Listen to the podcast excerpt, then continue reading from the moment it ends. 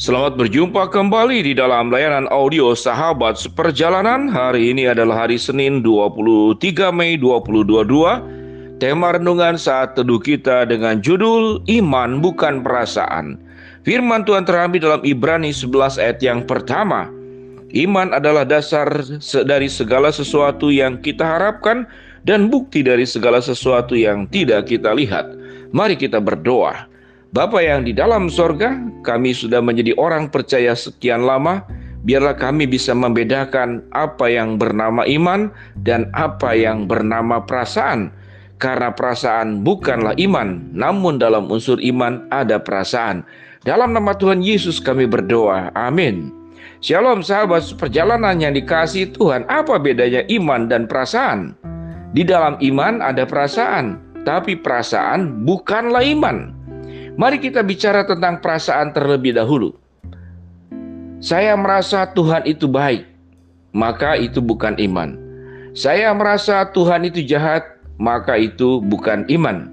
Saya merasa Tuhan itu adil, maka itu bukan iman. Saya merasa Tuhan itu tidak adil, maka itu pun juga bukan iman. Jadi, artinya segala sesuatu yang didasarkan oleh perasaan, dia tidak kuat.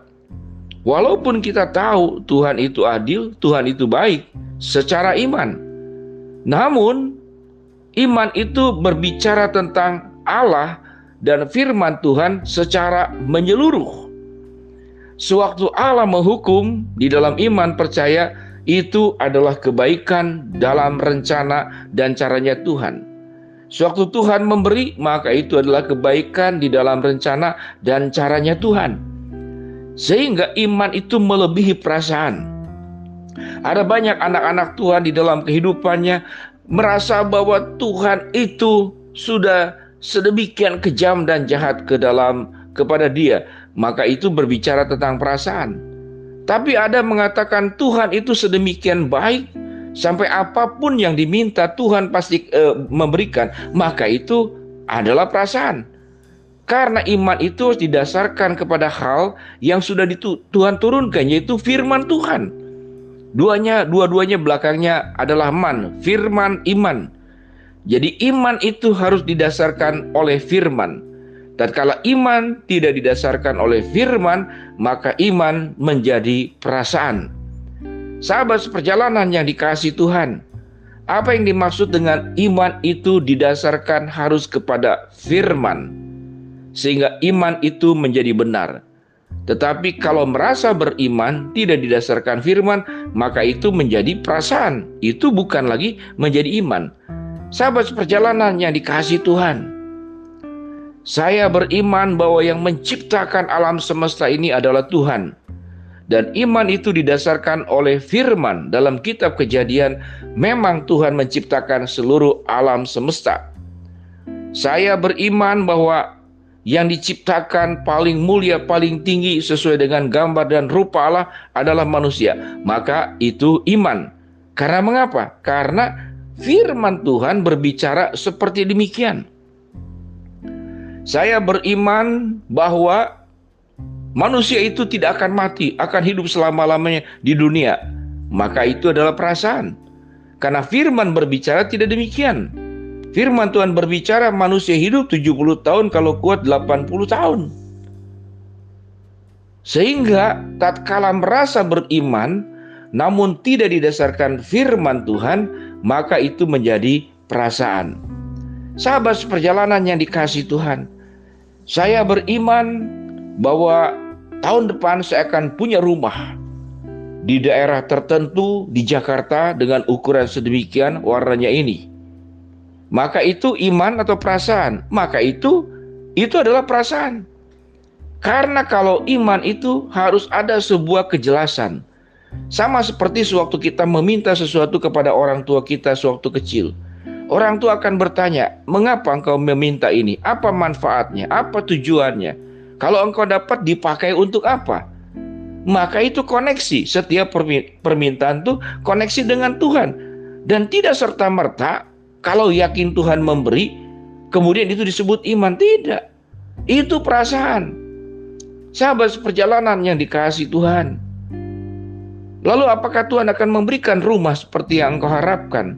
Bisa saja kalau itu sesuai dengan firman.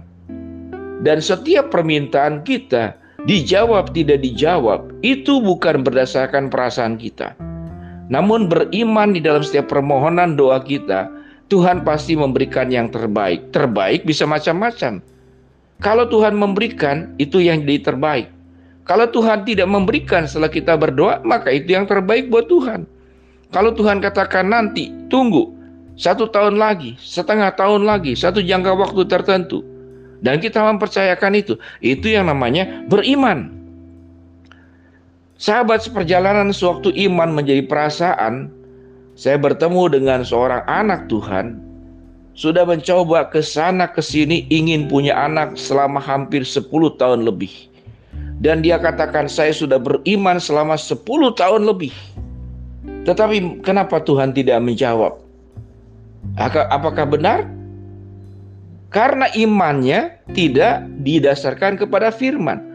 Tatkala satu doa yang jangka waktu panjang Tuhan tidak jawab, maka tidak boleh lagi doanya itu terus meminta, tapi bertanya, "Tuhan, aku berdoa untuk permintaan ingin memiliki anak sudah 10 tahun, tapi Tuhan tidak memberikan.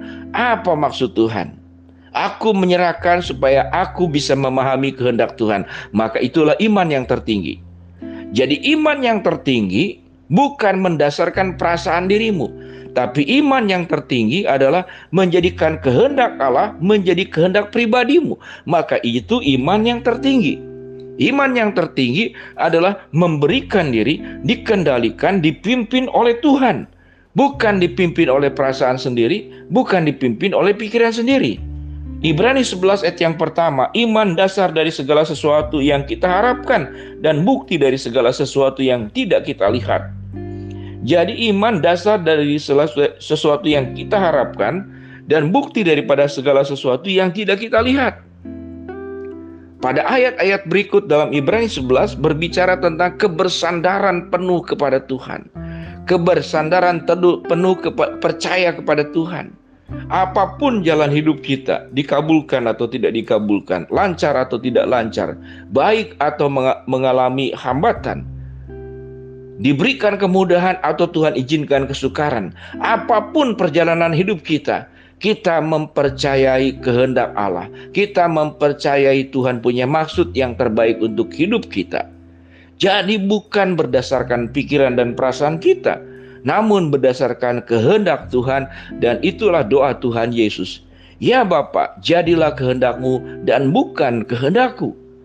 Jadi orang beriman bukan berbicara tentang perasaan, tapi orang beriman itu bisa menangkap kehendak Tuhan dan menjalankan kehendak Tuhan yaitu firman Allah yang sudah tercatat di dalam Alkitab untuk kita semua. Jadilah pribadi sahabat seperjalanan yang beriman bukan yang memiliki yang mendasarkan hidup kepada perasaan. Maka hidupmu akan benar, hidupmu akan diberkati, dan hidupmu akan menjadi pribadi yang sesuai dengan kehendak Tuhan. Mari sahabat perjalanan, jadilah orang beriman dan bukan menjalankan kehidupan percaya kita berdasarkan perasaan. Mari kita berdoa. Bapak dalam surga terima kasih buat kebenaran firman Tuhan yang memberikan penjelasan kepada kami.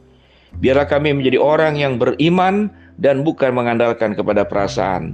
Berkati hambamu, berkati sahabat seperjalanan yang sakit Tuhan jamah sembuhkan, sahabat seperjalanan yang sedang menghadapi masalah Tuhan bukakan jalan, sahabat seperjalanan yang sedang memohon berharap sesuatu, biarlah tidak didasarkan oleh perasaan, tapi jadilah kehendakmu di atas segala harapan dan doa-doa kami. Dalam nama Tuhan Yesus kami berdoa. Amin. Shalom sahabat perjalanan yang dikasih Tuhan, mari menjadi pribadi yang hidup beriman dan bukan hidup berdasarkan perasaan. Amin.